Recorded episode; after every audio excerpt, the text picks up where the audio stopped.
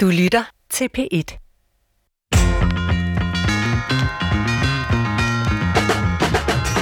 Integrationsdebatten har splittet danskerne i overvis. Det har været et tema, man som politiker kunne vinde og tabe valg på, og som meget hurtigt bringer sindene i kog. Der er store spørgsmål og dybe værdier bag debatten, som vi vil prøve at hive frem i dag. Hvad er der egentlig på spil? Og kan vi kortlægge aktørerne, problemerne, holdningerne og drømmene for at nærme os en dækkende forståelse af, hvad vi egentlig taler om, når vi taler om integration? Velkommen til Brinkmanns Brix om dette vanskelige emne. Jeg kom til at tænke på, at øh, du tilrettelægger Christoffer Heide Højer som 30-årig jo er vokset op med integrationsdebatten som det mest afgørende politiske emne i hele dit liv. Så hvis jeg nu siger til dig, at der faktisk var en gang, hvor vi ikke hele tiden talte om ghettoer og burkalov og utryghed og bander og alt det der, som kendetegner debatten. Vil du så tro på det? Ja, jeg vil, jeg vil godt tro på det, men, øh, men det er rigtigt, at sådan, siden 2001, og det er det nærmest det første folketingsvalg, jeg kan huske i hvert fald, øh, har det jo været på dagsordenen. Øh, altid.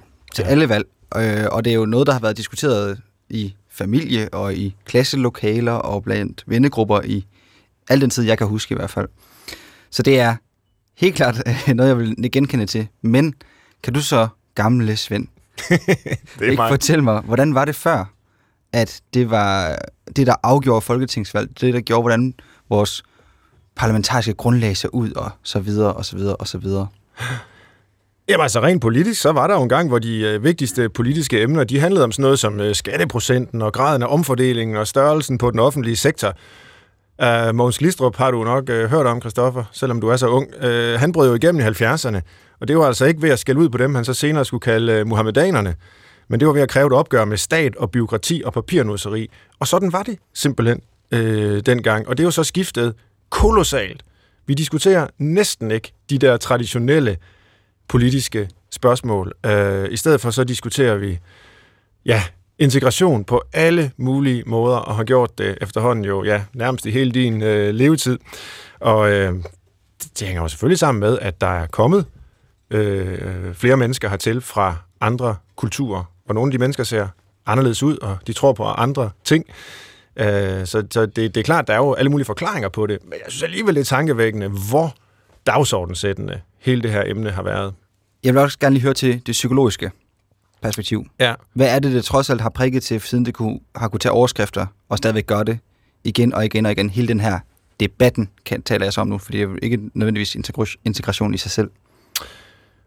Altså, det er virkelig et godt spørgsmål. Øhm, jeg tror, hvis jeg skal umiddelbart give et bud, som er meget simpelt, så er det utryghed. Altså, den danske befolkning har jo længe været meget homogen, øh, har troet på nogenlunde det samme, vi taler det samme sprog, vi har den her nationalstat, nogen ser befolkningen nærmest som sådan en, en stamme, øh, på godt og ondt, øh, og så kommer der en, øh, en stigende øh, flok mennesker. I begyndelsen kaldte vi dem gæstearbejdere. Det var vist før både du og jeg begyndte at kunne orientere os i debatten, øh, som vi inviterede. Øh, og så har der været familiesammenføringer, og, og en vis procentdel af befolkningen udgøres nu af dem, som jeg kan huske i min barndom, man allerede begynder at kalde de fremmede. Ikke? Altså, alene det vækker jo alle mulige spørgsmål og, og debatter. De fremmede, ikke? Altså, rigtig mange af dem er jo danske statsborgere, ligesom du og jeg, og, og så videre. Men det, det, det kan vi alle sammen komme tilbage til, men, men jeg tror, den her fornemmelse af, hvad, hvad vil det ende med? Altså, øh, ikke fordi, at den typiske, almindelige øh, dansker er racist eller sådan noget, men øh, man kan jo se de her alarmistiske fremskrivninger, hvis den såkaldte tilstrømning, man skal passe meget på sprogbrugen her, men det er synes, et, et af de ord, der bliver brugt. Ja, ja, ja. Øh, jeg glæder mig til at, at vende og dreje dem meget mere. Men hvis, hvis den fortsætter, øh, så er der nogen, der taler decideret om en befolkningsudskiftning. Altså der er vi nok over i det mere konspirationsteoretiske, og i hvert fald alarmistiske. Men den slags, øh, også i mindre målstok, kan selvfølgelig skabe utryghed Sidste spørgsmål ja. for mig. Hvor er du selv på skalaen fra luk grænsen, og alle er velkomne? det var det. Huha. Øhm, altså, jeg har nok øh, flyttet mig fra at have været sådan meget idealistisk. Forstået på den måde, at jeg nærmest ikke ville erkende, at der var problemer. med det, vi så kalder integrationen. Nu skal vi finde ud af, hvad, hvad det så overhovedet er her i dag. Til at øve mig i at øh, læse de undersøgelser og rapporter og tage de her problemer alvorligt. Øh, så jeg er, er, er ja, altså, jeg ved ikke, om jeg har flyttet mig på skalaen der, men øh, jeg har i hvert fald øvet mig i at være realist omkring de her spørgsmål, og ikke hverken alarmist eller idealist. Så jeg havner nok et sted i midten. Det er jo det nemme svar. Alle vil jo sige, på det, især politikere, at de er jo realister på det her område. Du bliver nødt ja. til at åbne øjnene og se, at der er problemer. Jamen, det synes jeg det er også, mainstream og være øh, midt i. Skal vi ikke øh, forlade øh, forhøret af det mig, Christoffer? Ja. Og så i stedet for at få nogle øh, fakta på bordet, så det ikke bare er mine ukvalificerede holdninger. Og vi har heldigvis to gæster, som kan levere fakta, selvfølgelig også holdninger, fra hvert øh, jeres område. Fordi der beskæftiger I er nemlig med integration. Og den ene her er Aydin Zoe. Du er forfatter, sociolog og debattør. Du har været med i programmet før, så du er en alsidig herre. Det var programmet om øh, far. Og nu er du her altså for at tale integration med os. Velkommen til dig. Tak for det. Og tak fordi du er med. Og ved siden af sidder Rasmus Brygger. Du er stifter af Danmarks Videnscenter for Integration. Så også velkommen til dig, og tak fordi du er med. Mange tak. Vil I hver især præsentere jer selv i forhold til det her spørgsmål om integration? Hvorfor inter- interesserer det jer overhovedet? Øh, Rasmus først. Altså, jeg har, øh, jeg har arbejdet med integration i en, i en del år, øh, og har nok også, som de fleste, der beskæftiger sig med integration, opbygget en eller anden frustration over det. Ja. Øh, frustration handler nok om mange ting, men for det første, sådan at der, der er rigtig mange ting, der går i ring på det her område. Øh, den debat, vi har i dag, den kunne vi også have for 10 år siden og 20 år siden. Det er det samme ting, vi prøver af. Det er den mm. samme politiske debat, der er. Øh, og det er jo en, en udfordring i forhold til, at, øh, at, at, at der er integrationsproblemer. Det er helt væsentligt at, at få diskuteret det. Øh, men jeg mener sådan set også, at vi går lidt skævt til det. Altså, vi, vi behandler det som en, en slags værdidebat, øh, om hvad vi selv synes og har holdning, og det er helt fint. Men det handler jo også helt faktuelt om, hvordan løser man de her integrationsproblemer. Mm. Øh, og det er, er derfor, jeg har kastet mig ind i det, øh, for at prøve at få, få bragt debatten væk fra, at, øh, at, at vi skændes om, hvor problemerne er, og hvor store de er, til mere, hvordan løser vi dem. Men øh, jeg husker jo dig fra tidligere også, hvor du har været aktiv i debatten, selvom du er relativt ung, øh, gennem faktisk øh, mange år, hvor du jo altså, har mange talenter, og du kunne i princippet have kastet dig over alle mulige andre områder. Øh, hvorfor bliver det lige det her? Er det fordi, det i dine øjne er øh, altså, så væsentligt et problemfelt, at vi skal kvalificere debatten, eller, øh, øh, eller hvad? det er et af de steder, og nok det sted, hvor at, øh, at der er den største, man kan sige, diskrepans øh, mellem, øh, hvad, hvad potentialet er, og så hvad det er, vi diskuterer. Øh, altså, øh, der er jo ikke nogen tvivl om, at det her det er rigtig vigtigt for mange danskere, som du også sagde i starten af programmet. Det, der er jo interessant, er, at danskerne er det folkefærd i Europa, som øh, tror, at de ved mest om integration. Okay. Øh, og, det, øh, og, og det bærer debatten nok også præg af. Og man kan sige, at folk de taler jo fuldstændig forbi hinanden. Og det, jeg tror, at ved at man debatterer det her på en meget bedre måde, at vi har øh, vi arbejder med integration på en meget bedre måde, så kan vi også løse problemerne. Og det jeg kan føre en hel masse tal af senere, men, men der er også meget, der tyder på, at potentialet er enormt. Vi rykker os bare ikke. Mm. Og det, det, det, det er i hvert fald kilden til min frustration, at vi, vi ikke er i stand til at rykke os ud af den der øh, jamen, skyttegravskrig, som der også er på det her område. Og ja. det er helt legitimt, at man har forskellige holdninger, men der er også meget, som burde forene i forhold til, hvordan man så løser problemerne. Og lad os vende tilbage om lidt til øh, afdækningen af hele problemfeltet, hvordan landskabet ser ud, og hvem aktørerne er. Men vi skal lige have dig på banen med samme spørgsmål, øh, Aydin. Hvorfor lige præcis integration? Du med en sociologisk baggrund kunne jo have kastet dig over akkurat lige så mange ting, som, mm. som jeg nævnte over for Rasmus. Hvorfor blev det integration? Jamen, øh, det handler både om øh, privatpersonen Aydin, og så øh, sociologen Aydin. Øh, altså som, øh, som forfatter har jeg skrevet en håndfuld bøger, som på den ene eller den anden måde handler om etniske minoriteter, især unge etniske minoriteter, der bor i udsatte boligområder. Øh, og der fylder det her debat meget, den her debat meget, og øh, mange unge med etnisk minoritetsbaggrund, som er født og opvokset i Danmark, de forholder sig til udtrykket integration meget kritisk. Okay. Ser det som en slags koloniseringsproces. Aha. Noget, som man diskuterer på Christiansborg, og hvor man i virkeligheden opfatter det som, at det sættes lige med assimilation ja. øh, og hvor man udtrykker frustration over, at ligegyldigt hvor godt vi klarer så bliver barn bare løftet. Så øh, som politisk interesseret interesserer mig også for det. Nu har vi haft et integrationsministerium siden valget i 2001, men man har ikke fra integrationsministeriet eller statens side defineret, hvad der egentlig ligger i begrebet integration. Mm-hmm. Og det er jo fordi, det er så politiseret et begreb. Det kan vi måske vende tilbage til. Jamen som privatperson, Aydin, der har boet i Danmark siden jeg var fire år gammel, siden de store flygtningeår i midten af 80'erne, hvor Danmark for alvor blev multietnisk, der har jeg været nødt til at forholde mig til, til udtrykket. Det er i virkeligheden meget privilegeret øh, at kunne øh, svare på spørgsmålet om, hvorvidt man synes, at integration er noget, man skal forholde sig til eller ej. Fordi hvis man er etnisk minoritet, så bliver du tvunget til at forholde dig til det. Ja. Altså hvor folk, og det er jo typisk majoritetsdanskere, går ind og bedømmer en, om man er integreret eller ej, om man er dansk eller ej. Og jeg ved ikke, hvor mange gange jeg i løbet af barndom og opvæksten har fået at vide, at men du er da ikke som de andre. Du er jo ligesom os. Du er jo godt integreret. Så øh, integration, som det bliver brugt øh, i især den politiske debat, markerer også et racialt hierarki. Det er jo typisk majoriteten, der går ind og bedømmer, om nogen er integreret eller ej. Mm. Så det er også derfor, at hvis man ønsker, at integration skal være en gensidig proces, så skal man også gå ind og diskutere, hvad ligger vi egentlig i begrebet integration. Hvornår bliver man set som anerkendelsesværdig medborger? Fordi det er også det, der ligger i begrebet integration. Mm. Hvad vil du sige, øh, altså, at integration er? Du er lidt øh, inde på det, åbner begrebet op, men altså, mm. er der en mm. definition på det? Du siger, det er noget med at leve sammen, øh, men, men adskiller det fra assimilation. Så man kan sige, dybest set, så, så betyder det jo at skabe et hele.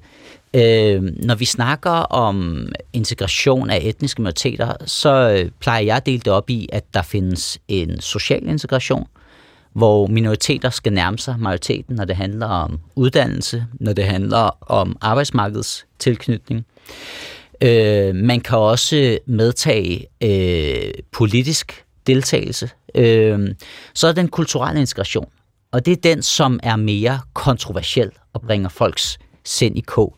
Og det er ofte der, hvis man sidder ved et middagsselskab eller hjemme hos svigermor og svigerfar, at stemningen kan blive rigtig akavet, når man begynder at diskutere det. Fordi det handler jo om kultur. Vi kan hurtigt blive enige om, at det er en stor fordel, at alle kan tale det samme sprog i et mm. land. Øh, selv hvis man går op i et politisk øh, fællesskab og ikke et kulturelt, så er det vigtigt at kunne samme sprog og have et politisk sprog. Men er man først rigtig integreret, hvis man spiser svinekød? Altså, der har jo været debatter herhjemme, hvor man har talt om, hvorvidt staten skulle lave svinekødskvoter i vuggestuer og børnehaver, ikke? Mm. Er man først rigtig integreret, hvis man har set Matador, eller hvis mm. man fejrer jul? Og øh, det, der, det er det spørgsmål, som i højere grad deler danskerne. Men øh, det, som vi måske mangler i den danske debat, det er erkendelsen af, at integration jo går begge veje, især når vi taler kulturel integration. Og hvis vi kigger på de udmeldinger, der kommer fra integrationsministeriets side, så handler det jo kun om, hvad minoriteten skal gøre, og ikke hvad majoriteten skal gøre.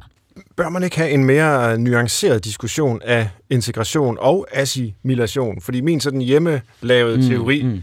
det er, at, øh, at vi faktisk bør kræve assimilation, hvad nogen ting angår. Altså, du var inde på, Aydin, det her med øh, politisk integration. Altså, mm at man går ind for demokrati, for eksempel. At man går mm. ind for øh, ligeret. At man øh, går ind for borgerrettigheder og sådan noget. Ikke? Mm. Øh, det synes jeg faktisk godt, vi kan kræve assimilation til. Mm. Det gælder alle befolkningsgrupper, uanset om man er et, et, etnisk øh, majoritet eller minoritetsperson. Ikke? Mm. Og så er der alle mulige andre ting. Altså, jeg er for eksempel fuldstændig ligeglad med, om folk spiser svinekød eller ej. Altså, jeg synes også, at vegetarer kan være udmærket øh, integreret i, i samfundet. Mm er der ikke måske en risiko for, at, at vi bare taler om integration som, som én ting, altså pærer det hele sammen mm. i det der begreb, og så begynder folk at sige, nå, okay, er det også majoriteten, der skal tilpasse sig? Betyder det, at vi så også skal tillade sharia-lov, eller sådan et eller andet, som mm. en del af den danske... Nej, det er ikke det, det betyder, kunne man jo sige, ikke?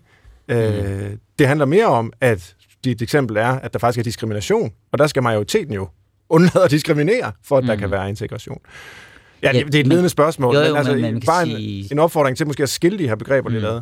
Altså, nu, nu har vi haft en sommer, hvor begrebet racisme blev diskuteret, og det havde du også et program om ja. herhjemme. Ikke?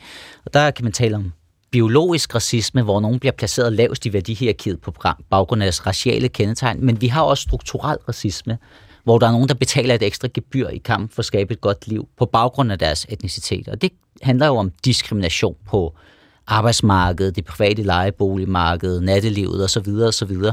Og det er klart, at minoriteten vil jo være mere tilbøjelig til at forsøge at gøre en indsats, øh, hvis man ikke bliver udsat for den form for diskrimination. Så det er det, der ligger i, at det går begge veje. Mm. Øh, jeg er enig med dig i, at øh, Danmark er jo et liberalt samfund, så, så jeg tænker, det er det, der bør, efter mig, og det er også det, der, integration er jo ikke en naturlov. Øh, hvis du spørger mig, så vil jeg sige, udgangspunktet må være, at et, hvert individ skal have lov til at vælge det gode liv for sig selv, så længe man ikke begrænser andre folk i deres valg af det gode liv. Og der er nogle liberale frihedsrettigheder, du skal skrive under på, fordi Danmark er et liberalt land. Det må ligesom være default position. Ja. Det må være det, det som vi ikke minimum, minimum kræver. Ja, ikke? Ja. ja. Men, men, men, men, men derfra så kan vi jo fortsætte diskussionen. Er det nok, at borgerne blot respekterer hinanden og hinandens forskelligheder? Altså, det er jo det, du for eksempel vil gå efter i et land som USA, og derfor så er det nok, hvis vi lever i segregerede bobler. Men i Danmark, der har vi jo en ekstremt høj tillid borgere imellem, og mellem borger og stat. Øh, og der vil jeg sige, nu, nu sagde jeg respektere, for jeg mener, at man tolererer hinanden. Mm. Jeg mener, at man skal være mere ambitiøs og gå efter, at man i højere grad respekterer hinanden og at øh, tilliden går på tværs af etniske og sociale, sociale skæld. Det mener jeg er det mest distinkt danske, vi har i Danmark. Det er det ekstremt, ekstremt høje tillidsniveau. Puha, man bliver jo helt øh, forpustet af de her distinktioner og begrebslige lag, der ligger i noget, som jo bare bliver slynget rundt i debatten, ordet mm. integration. Mm. Rasmus Brygger, nu har du lyttet til Ejdi, når jeg taler om det her, og du øh, er fra Videnscenter for Integration. Mm. Hvad, ligger, hvad, hvad ligger I i begrebet? Jamen altså, man kan sige, for det første, så er det jo en udfordring, vi ikke rigtig ved i den offentlige debat, hvad det indeholder. Altså, øh, politikerne har en gang imellem forsøgt, og så kommer de med et eller andet kanon, eller så kommer de med en eller anden liste, men der er jo ikke sådan... Altså, det er jo en udfordring for den enkelte efterkommer eller indvandrer. Hvad er det egentlig, jeg skal gøre? Ja. Altså, det mangler der faktisk. Øh, fordi det er, jo, det, er jo, det er jo helt legitimt, om man Altså, jeg er sådan en talmand, så jeg kan, jeg kan godt lide at kigge på beskæftigelse og uddannelse, og folk er ikke kriminelle osv. Og så tænker jeg, okay, så er man noget rimelig langt, ikke? Øh, og det er jo helt legitimt, at man, man mener noget mere, eller at man endda mener, at folk de skal spise svinkød. Altså, det er jo forskellige politiske positioner. Mm. Øh, udfordringen er bare, at når der er en... Altså, når man først er øh, kommet, øh, kommet over en ene bare, så kommer der en ny, og det, det, altså, det er for nogle mennesker nærmest umuligt at føle sig danske, fordi at de hele tiden møder den der nye udfordring. Øh, man har øh, fra øh, Udlænding- og Integrationsministeriet for eksempel spurgt øh, indvandrere efterkommere, jamen, føler, hvad føler du dig mest som? Føler du dig som indvandrer, som dansker? Øh, og det, som de fleste svarer, det er, jamen jeg føler mig som dansker med indvandrerbaggrund. Mm. Og det er jo også blevet sådan en, altså så er det en helt ny identitet, så er man noget, der er adskilt fra, fra danskerne. Øh, og det bliver jo ikke lettere af, hvis man følger en politisk debat, så er det, for eksempel hvis du kommer til som flygtning i dag, så målet ikke, at du skal integreres. Målet er, at du skal tilbage. Øh, som, som man får også sendt en hel masse forskellige signaler, øh, både fra politikerne, fra sagsbehandleren øh, og fra det omkringliggende samfund. Hvad, hvad, hvad er det egentlig, I forventer af mig? Så jeg er helt enig med, med Aydin, at det handler jo også om noget gensidighed, men det handler sådan set også om klare forventninger. Øh, og det, det har vi ikke øh, lige nu. Øh, og det, det tror jeg sådan set, vi vil kunne komme langt af, at vi... Øh, vi, vi, vi også kunne svare på, jamen altså, er folk integreret, eller er de ikke? Hvor mange er det, øh, der er integreret? Altså, hvis man måler på, på en ting, hvis man for eksempel måler på, om øh, indvandrere deltager i øh, foreningsliv, så gør de det på niveau med danskere. Øh, de deltager i nogle andre øh, typer foreninger måske. Øh, men hvis man kigger på arbejdsmarkedet, så er der udfordringer. Hvis man øh, kigger på, øh, på, på, på noget af de, de holdninger i, i det sociale liv, så er der også forskel. Øh, noget er et problem, noget er ikke et problem. Men, men det er ret svært at kunne fortælle øh, indvandrere og efterkomme, hvordan de kan være en del af det danske samfund, når vi ikke er enige om, hvad det er, det kræver. Ja. Ja, det er svært at bestå eksamen, hvis man ikke ved, hvad, hvad det er for et fag, man er oppe i, eller Præcis. hvad der overhovedet mm. kræves. Du øh, kaldte dig selv øh, talmand, eller noget i den stil, før Rasmus Brygger. Øh, kan du prøve at punktere nogle af de mest øh, udbredte myter, der findes om integration med baggrund i den viden, du har om, om statistikkerne på området?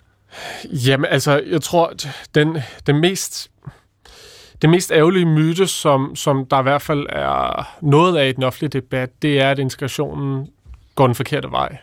Øh, vi skal måske også lige om, om lidt diskutere, hvordan man overhovedet måler integration, med, fordi det, det, det er i sig selv også vanskeligt. Men altså noget af det, som, som jeg synes er relevant, det er at kigge over generationer. Altså klarer børnene sig bedre end forældrene. Øh, der er ikke nogen tvivl om, at der er øh, alt for store grupper af børn, der ikke klarer sig så godt. Men måler man i forhold til for eksempel, øh, hvis man måler om mor er i arbejde, og så om datteren er i arbejde i, i samme alder, så øh, altså, går det fantastisk fra den ene generation til den anden. Mm-hmm. Øh, det, der, øh, det, der går ind og forvirrer, øh, er jo, at, at vi måler alle indvandrere Altså, det er jo, det er jo været op til 700.000 mennesker. Det måler vi i en kategori og blander dem sammen, i stedet for at kigge på den enkelte menneske, den enkelte familie, og så se, hvordan går det over tid. øh, og, og, og det, der jo så går galt også i integrationsdebatten, er, at, at, at begge sider har jo sådan set ret med nogle af de ting, de øh, hiver frem. Så hiver de frem, at der er et problem med kriminalitet. Jamen, det er der. Øh, der er andre, der hiver frem, at det går godt med integrationen øh, på andre områder. Det gør det. Altså beskæftigelsen øh, var i øh, øh 2019 det højeste, som vi har set i årtier. Så det går også godt på nogle områder, det går dårligt på andre områder. Mm. Og fordi vi ikke har den der øh, fælles anerkendelse af, hvornår er man så integreret, så har vi ret svært ved at sige overordnet, mm. går integrationen godt eller dårligt. Min påstand vil være, at kigger vi over lang tid, kigger vi øh, på, på, på, på specifikke personer, om de bliver bedre og bedre integreret i samfundet, så er det meget entydigt, at det går bedre. Ja. Og et er, at vi så skal have en definition af, eller på integration, for at ligesom kunne måle, går det mm. godt, går det bedre, går det dårligere. Øh, men noget andet er, at vi jo også skal have en definition af, hvem det er, der skal integreres. Mm. Altså nu siger du, at jamen, hvis vi tager alle indvandrere, så er der måske 700.000. Øh, men det er jo ikke folk, der er vandret til Danmark i løbet af det seneste år. Så hvem er overhovedet de grupper, der skal integreres? Hvem er indvandrerne? Og hvor mange er der? Jamen altså, man, man kan sige, der er jo flygtninge, ja. og så er der indvandrere. Og øh, øh, flygtninge er også indvandrere, men man kan også være indvandret på anden, anden vis. Og det er nok den første forvirring, som der kommer, når man kigger på tallene. Fordi øh, hvis du nu er øh, ingeniør fra, fra Indien og kommer til Danmark, så er du ikke vestlig indvandrer. Så mm. tilhører du de samme statistikker, som, øh, som, som en flygtning fra Syrien gør. Øh, og, og, og, og der er den samme forvirring for eksempel i forhold til, øh, når vi kigger på efterkommer, øh, som også er kun er en delmængde af indvandrernes børn. Nu vil jeg ikke gå ind i sådan detaljer af det tekniske, men, øh, men, men udfordringen er lidt, at øh, når vi kigger på, på sådan en gruppe, så består den bare af sindssygt mange forskellige øh, grupper, og lige nu så har vi det tal, vi bruger, jamen det er altså både brasilianere, inder og syrer ude i et. Øh, og nogle gange kan det være sådan tæt på, på, på ligegyldigt egentlig at kigge på de tal, fordi at det er simpelthen så en, en divers gruppe at det, at det er svært at konkludere noget endeligt. Mm. Hvis vi dykker ned i flygtninge for eksempel, øh, det, har, det har jeg fulgt meget fra, fra flygtningekrisen og frem, hvordan det går med den gruppe. Jamen altså, det går bedre, end det gjorde, da de lige kom til landet. Men der er sindssygt store problemer samtidig med. Altså hvis vi kigger på, på syrerne for eksempel, øh, så, øh, og det, det er den største gruppe, der, der kommer til, jamen så ser vi overordnet set mændene de klarer sig sådan nogen, nogenlunde. Altså, de, der er en stor del af dem, der kommer i arbejde, men, men kvinderne, de bliver efterladt på stationen, for eksempel, øh, og øh, har langt lavere beskæftigelse end, end mange andre. Øh, men det, der så også er interessant, er, at hvis vi kigger til andre lande, vi fra, øh, taler ofte om Sverige, for eksempel, som Sverige er faldet, fordi at det skulle gå dårligt med integrationen der. De er bedre til at få flygtninge i beskæftigelse. Det er Norge også.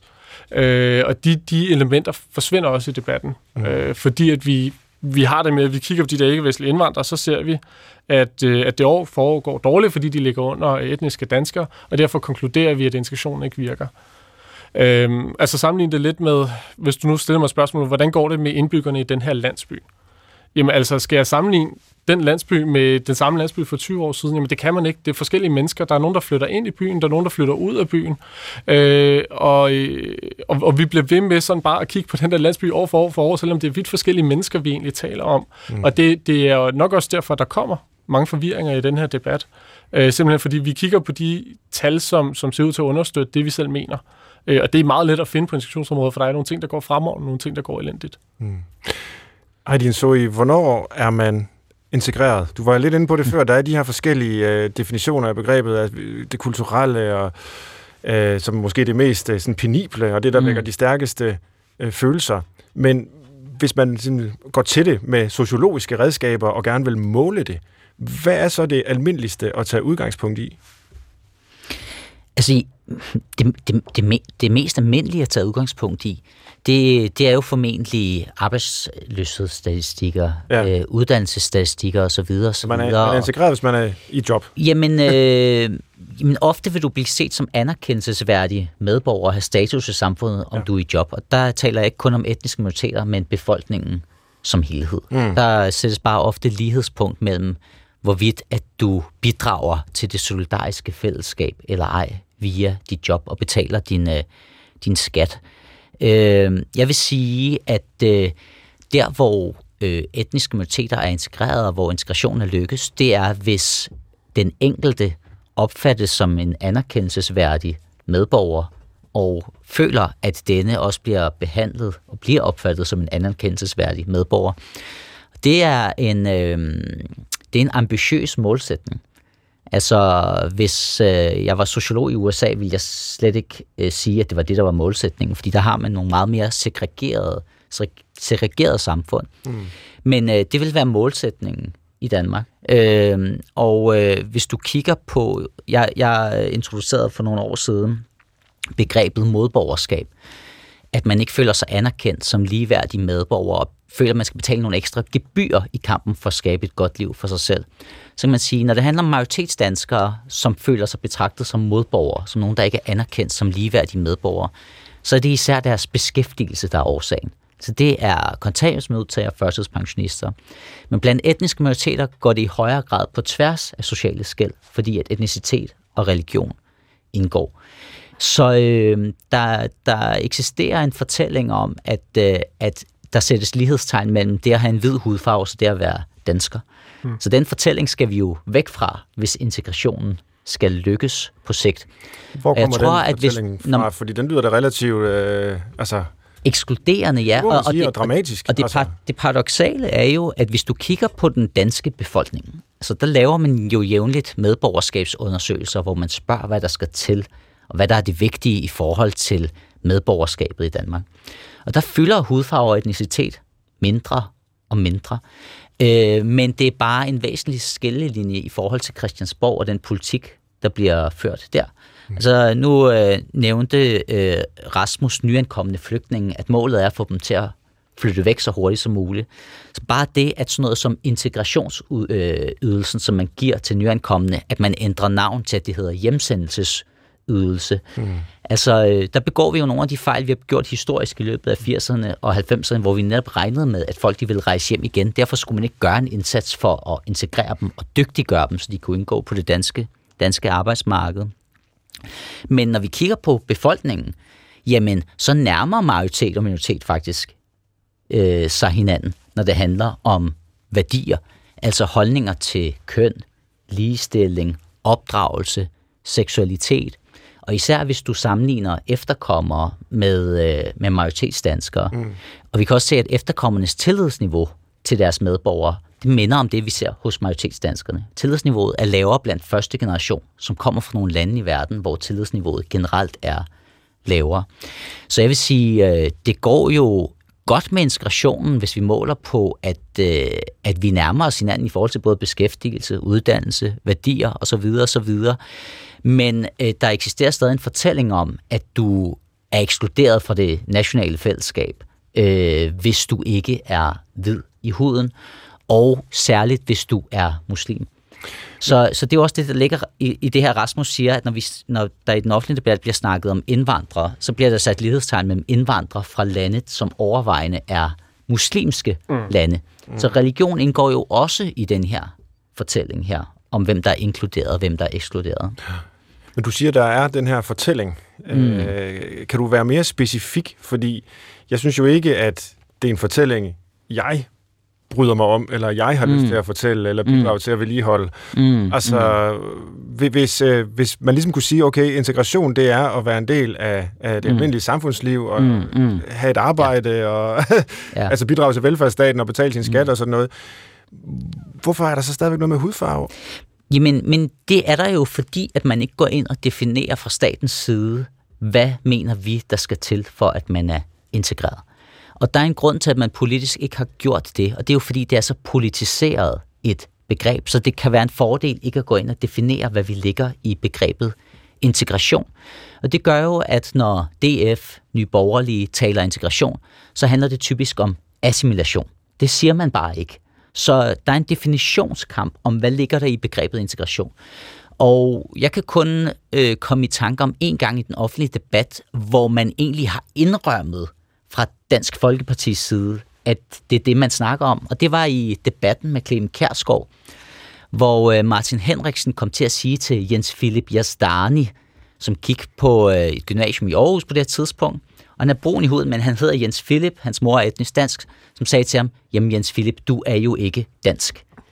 Og Jens Philip er ateist, han er veluddannet osv. Så, så, så der kommer man til at sige, at jamen, han er jo ikke dansk, fordi han har rødder i noget andet, og fordi han er mørk i huden. Mm. Men typisk, så er det fy-fy. Det vil du ikke gøre i den offentlige debat. Så vil du bare rykke grænserne for, hvad der ligger i begrebet integration. Men der er stor forskel på, hvad enhedslisten og radikale mener, når de siger integration, altså DF og Nye Borgerlige. Mm. Men øh, hvis vi kunne skabe et fælles sprog, vil der formentlig også være færre, der føler sig ekskluderet. Og man vil også kunne sige, hov, det der falder ikke inden for rammerne af, hvad vi har besluttet os for, der skal til for at være fuldt ud anerkendt som medborgere. Ja. Nu har vi jo ikke Martin Henriksen i studiet, og vi har heller ingen repræsentanter fra de politiske partier, ej heller Nej. Dansk Folkeparti og Nye Borgerlige, så det kan godt være, at vi ikke skal gå alt for meget ned af den politiske debatstige der. Lytter til Brinkmanns Brix på P1, hvor vi taler om integration i dag. Og det gør jeg med stifter af Danmarks Videnscenter for Integration, Rasmus Brygger, og forfatter, sociolog og debattør Aydin Sohi. Og derudover sidder vi sammen med tilrettelægger Christoffer Heide Højer, der har ansvaret for at bryde ind i samtalen og på vanlig vis pege på det, vi ikke har taget fat i indtil videre. Og der er jo sikkert meget, Christoffer, vi ikke har været omkring endnu. Ja, det er der da helt sikkert. Men øhm, noget, jeg gerne vil spørge, øh, fordi du startede med at spørge gæsterne, hvad, hvorfor det interesserer jer. Men jeg kunne også godt tænke mig at spørge, hvorfor, eller hvad det er, I måske kæmper for, fordi et, øh, Rasmus, du har stiftet en forening, som det jo er, eller en NGO, eller hvad vi skal kalde det, øh, som gerne vil fremme debatten, øh, viden i debatten. Og Ejlin, du holder talrige foredrag og skriver bøger, og, og deltager også i debatten omkring at få øh, hvad kan man sige, øget øh, vidensniveau på det her område. Men hvad er det, I gerne øh, vil med jeres arbejde. Og ej, du sidder der i bestyrelsen i, i Rasmus' øh, videnscenter. Øh, mm. Så på den måde kan man sige, at I kæmper på samme banehalvdel i hvert fald. Mm. Hvad er det, I gerne øh, vil? Altså, øh, jeg vil gerne have, at øh, så mange unge som muligt i Danmark øh, har mulighederne og føler sig motiveret for at skabe et godt liv for sig selv. Øh, og det kræver også, at øh, der er færre unge, som føler, at de skal betale et væsentligt gebyr i kampen for at skabe sig det her gode liv. Det kræver også, at den sociale integration går den rigtige vej. Altså især når vi kigger på efterkommere, indvandrere og flygtninge, at de lykkes med at tage en uddannelse og komme i job. Øh, så man kan sige, den sociale integration, der er, der er uddannelse ekstremt vigtig i Danmark, hvor vi har et meget videnstugt arbejdsmarked, hvor uddannelsesniveauet er højt, hvor barriererne til arbejdsmarkedet er ret høje, og vi også har en høj, øh, høj mindsteløn. Så øh, man kan også sige, nu nævnte jeg hudfarve før, øh, jeg ville da også ønske, at vi fik et land, hvor der ikke var tvivl om, at der ikke er en modsætning mellem det ikke at have en hvid hudfarve, og så det at være dansk og være fuldt ud anerkendt som som medborger. Og der skal vi nok nå til. Altså, øh, vi har fået en etnisk middelklasse i Danmark for første gang i Danmarks historie de sidste 10 år. Og det er især de unge, der går, der går forrest.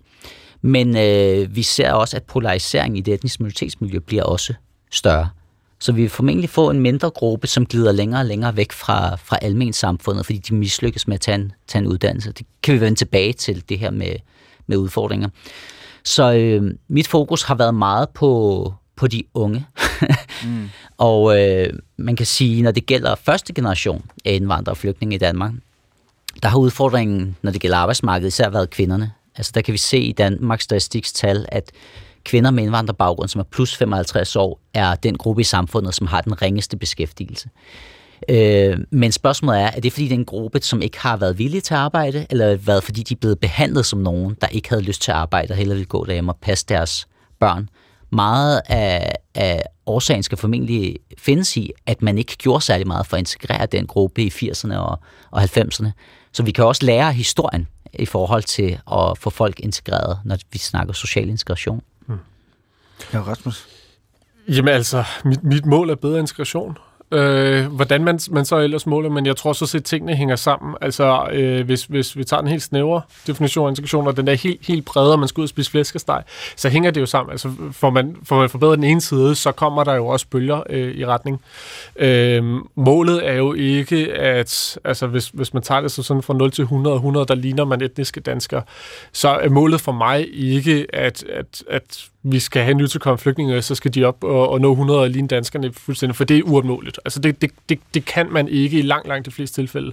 Men jeg tror, vi kan rykke os rigtig meget. Og, og øh, altså, der er bare et massivt uforløst potentiale øh, på det her område. Altså, øh, og det nævner øh, de her kvindelige flygtninge.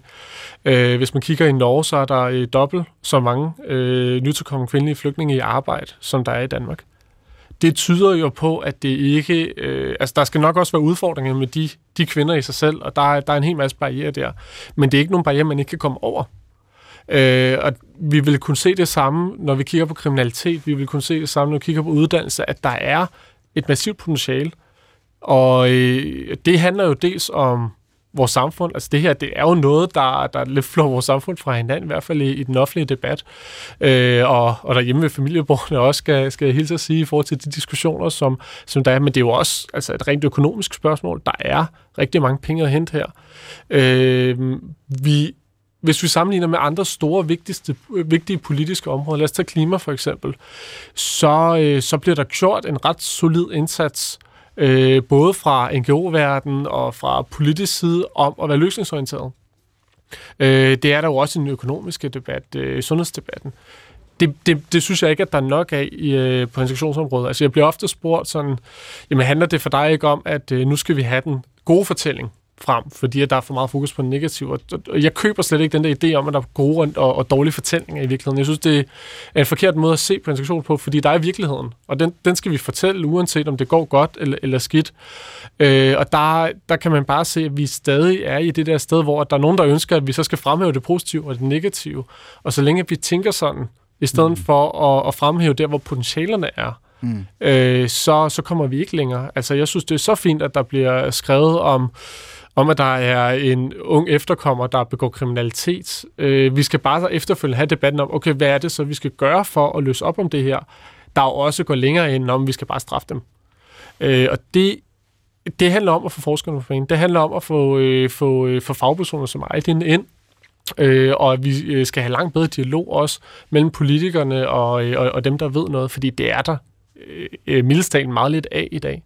Øh, og så tror jeg faktisk, at man kan løse integrationsproblemet langt hen ad vejen. Det viser tallene i hvert fald, og det kræver bare villigheden også politisk. Jeg kan godt tænke mig at stille et, et meget konkret spørgsmål, fordi hvis vi nu legede, at, øh, at jeg havde den holdning, at øh, etniske minoriteter var årsagen til bandekriminalitet, til utryghed, øh, til alskens øh, vold, og har de holdninger, som vi ikke synes om som majoritet i det her land.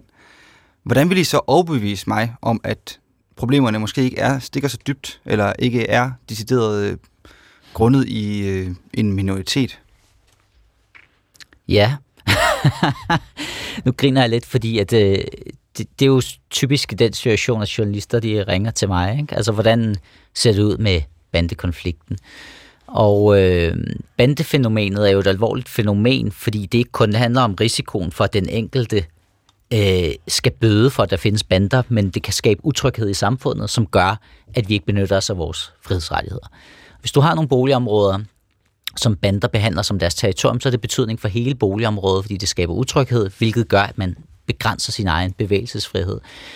Så, så den slags har jo betydning for vores livskvalitet og vores udfoldelsesmuligheder. Jeg vil sige, at hvis vi kigger på Rigspolitiets tal, så kan vi se, at antallet af bandemedlemmer i Danmark er faldet med en tredjedel i løbet af den sidste håndfuld år.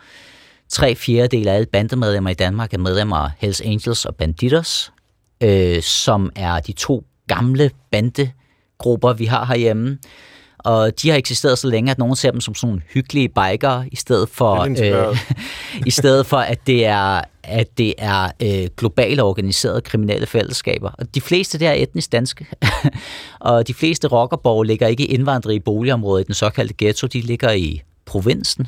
øh, så øh, der er langt flere etnisk danske bandemedlemmer, end der er etniske minoriteter, som er bandemedlemmer. Øh, Men dem kan jo trods alt spise en flæskesteg-sandwich med, og drikke nogle øller, og tage på stadion, og råbe og hue hej. Altså, ja, og jeg, jeg, ikke, sagt, jeg kan jo ikke forstå, jeg kan og det, ikke og det kan sagtens mig. være, fordi at du peger på noget væsentligt der, at det, at det er ud, øh, grunden til, at de ikke skaber lige så meget utryghed. De har været her længere, så derfor skaber de ikke lige så meget moralsk panik, som de her gadebander, som ligner noget, vi ser i amerikanske og franske film osv. osv. De er ældre, øh, de kender de kulturelle koder i samfundet mere, øh, de kører på kværn, mange af dem. Øh, det kan vi også genkende, og måske man kender nogen, der kører på kværn osv. osv. Og så øh, er det ikke nogen, som vi diskuterer lige så meget på Christiansborg. Altså, øh, det er jo ikke ligegyldigt, hvem det er, der integ- diskuterer integration i Danmark. Altså, der er nogen, der har mere definitionsmagt end andre, og dem, der har allermest, det, det er vores folkevalgte på Christiansborg. Og de har for eksempel valgt at sige, at vi skal fokusere på loyal familie og forbyde dem. Og så må næste skridt være at sige, okay, så er der skabt juridisk præcedens for at forbyde bander ved, ved lov i henhold til grundloven. Hvad med Hells Angels, Banditos, Satudara, altså dem, der kører kværn og begår kriminalitet og har afdelinger uden for Danmarks grænser også. Men, øh, men, men noget af det, der kan frustrere mig ved den her debat, det er, at hvis man som jeg både fokuserer på det negative og det positive, nu har jeg skrevet fem bøger om etniske minoriteter, som faktisk mest af alt fokuserer på alt det negative.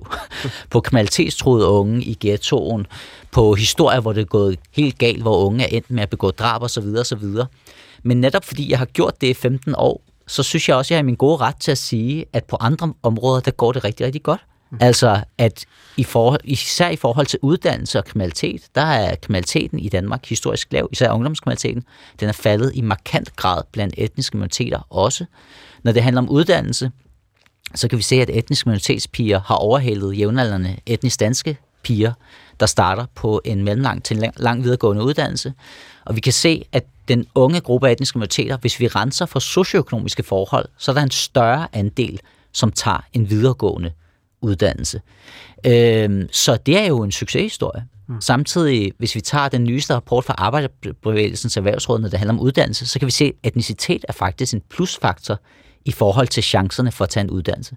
Mm. Det vil sige, to unge, der har præcis samme familiebaggrund, samme socioøkonomisk baggrund, der vil sandsynligheden for, at Ali og Isha tager en uddannelse, øh, være større end for Peter og Gustav. Så øh, hvis jeg var dansker og boede i et af landdistrikterne, så vil jeg være ekstremt frustreret over den debat, der foregår i dag, fordi vi diskriminerer de danske unge ude i landdistrikterne, som man taber i forhold til uddannelse, beskæftigelse, kriminalitetsstatistikker. Øh, vi har meget fokus på Ali og Aisha i øh, storbyerne, øh, men der kan vi faktisk se, at integrationen går rigtig godt. Så er der så en mindre gruppe, for at svare på de spørgsmål, som ender i kriminalitet. Og dem, der havler i bandekriminalitet i dag, er en tungere gruppe. Altså, der er en større andel, som øh, mangler uddannelse. Der er en større andel, som ingen erhvervserfaring har. Der er en større andel, der har diagnoser. Der er en større andel, som ikke har noget netværk uden for deres bandegruppering. Og så er der en større andel, der skal have hjælp til at genetablere forholdet til deres familie for at komme ud af bandefællesskabet. Og det kan jo godt gøre, at gruppen derfor også bliver mere synlig og bliver mere skræmmende, når du ser på dem udefra. Det var et meget langt svar. Det var det. men, men, men det er jo, fordi det er komplekse fænomener, det her. Ja, men jeg, var, jeg er halvt overbevist nu, så kan man høre anden halvdel jeg, jeg prøver lige at komme med lidt, lidt kortere svar, også lige med, med, med et par andre nuancer, for jeg synes, at Leiden har, øh, har, har nogle super gode pointer. Altså, det er jo, det, det, det er jo også helt korrekt, at, at, øh, at der er meget, hvis man for eksempel kigger på kriminalitet blandt unge efterkommere. Altså, øh, et tal, som, som jo er værd at fremhæve, og, og det skal så siges, at det går så nogle år tilbage, men hvis man kigger på øh, alle unge øh, mænd, der er født i 1987, om de så er unge efterhånden, det, det, det efterhånden min generation, men, øh, men så er det jo knap halvdelen øh, af, af, af de mænd øh, med ikke-vestlig baggrund, som, som har øh, en plet på straffertesten. Altså, det er jo, det er jo voldsomt højt tal. tallet er faldet markant siden der er nye generationer, som, som Ejne også siger. Men det er, jo ikke, det er jo ikke nogen hemmelighed, at, at der er væsentlige problemer her. Øh, men, men altså, det, øh, det er rigtig vigtigt, når Aiden siger, når man så kigger på sociale faktorer, fordi det er også ofte det, vi så glemmer i integrationsdebatten. Altså, det meste af, hvad vi tænker som integrationsproblemer, det er sociale problemer. Altså, vi har en, en tendens til, at når vi, når vi siger, okay, jamen indvandrere, de er ikke i arbejde, eller indvandrere, de er kriminelle, jamen så tænker vi, jamen det er de, fordi de ikke er indvandrere, eller endnu værre, det er fordi, at de er, er muslimer, som der kun er nogen af indvandrerne, der er, ikke? Men, men så, så er der den implicite kausale sammenhæng af, at øh, jamen, det er fordi, at de så har den her baggrund. Øh, Øh, der er nok noget i baggrunden, der spiller ind, og det kan Heidi nok fortælle øh, meget om, men, øh, men vi ved, at noget af det, der betyder allermest for, om man, man ender i kriminalitet, eller om man ender i arbejdsløshed, jamen det er jo en social baggrund. Det er, hvordan man er vokset op, det er, hvad for en uddannelse man har, det er, hvad man har i indkomst. Og det skal vi også bare huske, at en af årsagerne til, at, at vi har store integrationsproblemer, det er, at vi har mange inde, som, som er en, en lavere klasse, som, som har problemer i forhold til uddannelse, som har problemer i forhold til, til, til beskæftigelse for hjemlandet. Øh, og, og, og det er meget mere det, det øh, hænger sammen med, end at det nødvendigvis lige skal være, at de, de, de, der er så noget galt med deres kultur, som gør, at de ikke kan være integreret. Jeg fornemmer, at vi nogenlunde deler præmissen om, hvordan debatten skal foregå, og hvordan integration ideelt ser ud. Altså, Ejlin indledte med at sige, at vi har jo et liberalt demokrati, i Danmark. Altså, vi mener faktisk, langt de fleste af os, øh, til synligheden i hvert fald, at øh, man har ligesom lov til, ret til at øh, søge lykken på den måde, man nu vil, så længe man ikke øh, skader andre. Og, og så er man egentlig integreret, hvis det lykkes, og man bidrager til samfundet osv. Men, men jeg kunne tænke mig her mod slutningen at spørge jer om, altså, vil den forestilling om det liberale demokrati holde?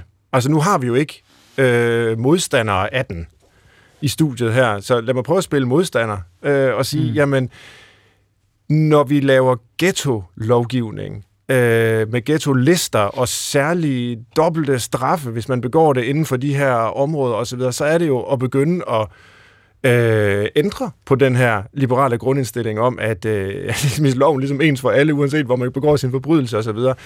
Mm. Øh, flere og flere lader til at sige, at jamen, øh, og andre steder i Europa ser man det jo øh, i langt større grad ikke med det såkaldte illiberale, illiberale demokrati i, i Ungarn og sådan noget, hvor man siger, jamen for at være dansk, så skal du simpelthen høre til folket. Altså, du, det, det er ikke nok, du bare overholder loven og er på arbejdsmarkedet. Øh, du, øh, du, du, du skal være en del af den her stamme. Mm. Ikke? Øh, er det bare mig, der har på fornemmelsen, at den endnu mere øh, indgribende øh, krav, øh, de her endnu mere indgribende krav til integration øh, vokser, øh, og dermed måske truer den her forestilling om det liberale demokrati som præmissen for, hvordan vi diskuterer integration. Mm. Frygter I, at, øh, at det vil skride? det er et ledende spørgsmål, men det er i hvert fald en frygt, jeg lige har. Nu siger den højt. Jamen, altså den, den her holdning om, at det er en bestemt folksgeist, ja. der binder os sammen, som man ser i Polen og, og Ungarn, øh, det tror jeg ikke, vi skal frygte, når man kigger på holdningen i befolkningen. Okay. Øh, der bliver også jævnligt lavet undersøgelser, hvor, hvor etniske danskere bliver spurgt, om de vil have noget imod at få en muslimsk svigersøn gift ind i familien, eller have en muslimsk medborger som chef osv. osv. Folk bliver mindre og mindre skeptiske, og hvis, når man kigger på medborgerskabsundersøgelser, kan vi også se, at etniske minoriteter de bliver også mere og mere liberale i deres holdninger, og der er heller ikke noget, der tyder på, at den høje tillid, der kendetegner Danmark og de skandinaviske lande, øh, er blevet mindre grundet øh, indvandring. Og især når vi kigger på efterkommerne, så kan vi se, at det er de samme værdier og normer, de tager til sig, som dem, der gør sig gældende i Danmark som, som helhed.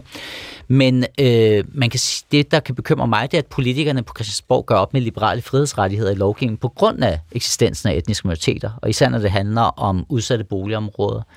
Øh, nu nævner du selv ghettoparken. Øh, der gjorde man i 2018 det, det, at man ændrede kriterierne i ghetto på ghetto-listen, sådan så at et område kun kan blive betegnet som en ghetto af staten, hvis andelen af etniske minoriteter er over 50 procent. Og hvis et område bliver betegnet som en hård ghetto, så skal øh, andelen af alment reduceres fra 100 procent til 40 procent, hvilket betyder, betyder, at 11.000 mennesker kommer til at blive tvangsflyttet fra, hvor de bor hen.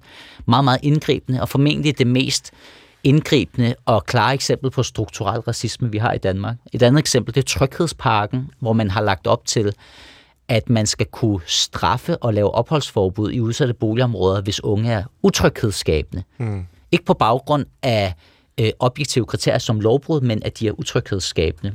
Og det er en racialisering af kriminalitetspolitikken, og et skift i kriminalitetspolitik, som bliver begrundet i eksistensen af nogen, der er utryghedsskabende. Ja. Og, og det som sociolog er kigget på, jamen, hvordan ser det så ud med utrygheden i de her boligområder? Der kan vi se, at trygheden er faktisk høj. Okay.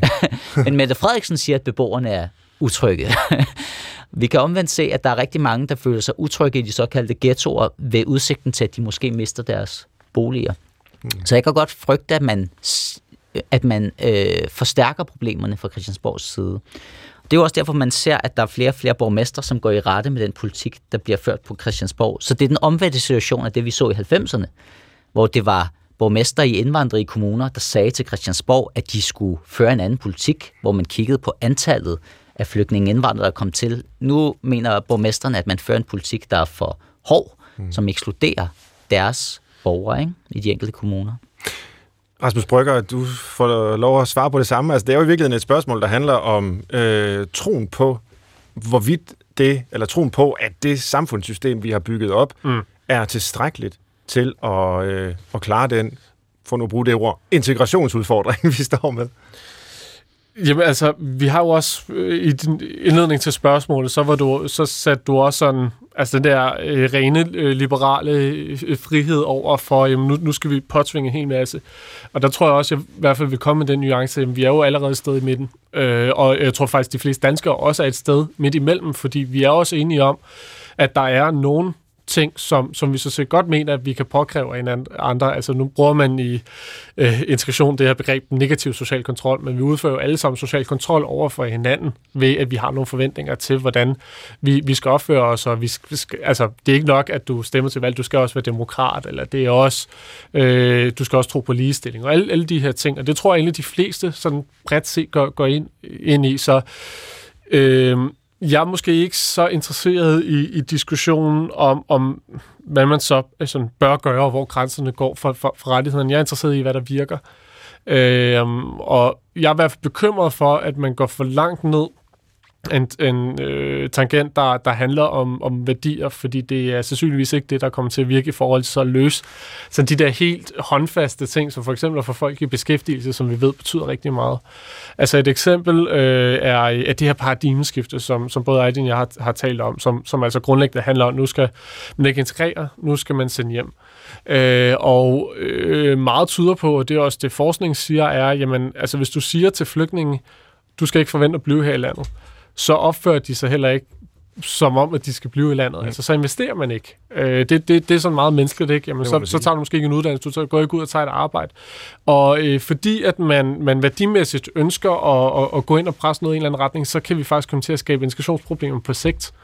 Øh, og det er det samme med, med, med ghetto-lovgivning. Altså, hvis man begynder at gøre meget klart, at man ikke er en del af samfundet, så kan du begynde at, og, og, og, og, det har jeg jo allerede skrevet en masse om, så skaber du også nogle mennesker, som ikke føler sig som en del af samfundet, derfor agerer de heller ikke som en del af samfundet. Så, øh, så, så det er jo helt, jeg synes, det er helt politisk legitimt, at man, man vil længere den ene eller den anden vej, øh, men, men, men det vi bare hele tiden skal have ind som element af det her er, okay, men hvad, hvad har det af effekt? Mm. Øh, det, øh, det, det mangler sgu i integrationsdebatten. Så vi skal i hvert fald prøve at undgå at forstærke de problemer, vi gerne vil løse, i og med, at vi gør noget for at løse dem. Og øh, det her med sendt videre ud i æderen, vi håber, at politikere rundt omkring har hørt med, eller har lyttet med. Det sidste punkt, det er vores faste liste. Tre gode råd til at undgå integration. Så kan folk derude selv øh, vente om, hvis de vil. Hvordan undgår man bedst integration? I er velkommen til at byde ind, så skriver jeg ned.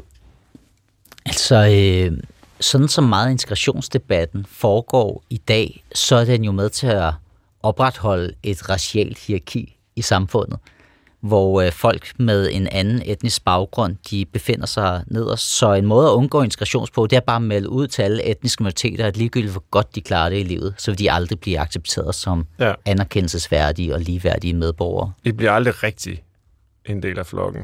Så. så kunne man også tage den skridtet længere og simpelthen sige, at etniske minoriteter ikke har de samme rettigheder som alle andre. Ja. At etnicitet også er en skillelinje for, hvorvidt man har ret til at stemme og besidde visse jobs osv. osv. Ja, det er to øh, dårlige bud. Eller, ja. De er jo gode, men, øh, men også dårlige. Det, det, det, det tredje dårlige bud er nok, at, øh, at vi taler mere om, at integrationen ikke kan lade sig gøre. Ja. Altså, at, at, at jo mere vi bekræfter hinanden, og jo mere vi indsatserne får kommunikeret, jamen det her, det, det, altså det, det er en umulig opgave, vi kan ikke løfte. Det er en umulig. Øh, det, det, desto sværere bliver det faktisk at, at løse det. Øh, så, øh, så det skulle man endelig blive ved med at gøre meget mere af, hvis man ikke ønsker at løse integrationsproblemer. så er der tre ting på listen. Hvis jeg må øh, supplere, så vil jeg sige, undgå øh, kontakt med, oh ja. med mennesker, der ikke ligner dig selv. Mm. Altså, det, det er noget af det mest velundersøgte i socialpsykologien. Man kalder det jo direkte kontakthypotesen. Det er, der er simpelthen så meget evidens for, at hvis man har kontakt med mennesker, som man også er skeptisk overfor på forhånd, jamen så øh, bliver man langt mere åben og tolerant og finder ud af, at andre mennesker ikke er så farlige. Så det var nogle indspark til øh, debatten, og det var nogle øh, inputs til vores liste. Vi når desværre ikke mere i dag. Det har været utrolig spændende at tale med øh, jer om integration. Tak til Aydin Zoe, som er forfatter, debattør og sociolog, og til Rasmus Brygger, som er stifter af Danmarks Videnscenter for Integration. Det var dejligt, at I var med i Brinkmanns Brix i dag. Som sædvanligt var til retlægger Christoffer Heide Højer, og jeg var vært, hedder Svend Brinkmann. Man kan skrive til os på brinkmannsbrix.dr.dk med ris, ros og forslag. Vi sender igen om en uge. Jeg håber, vi høres ved. På genhør.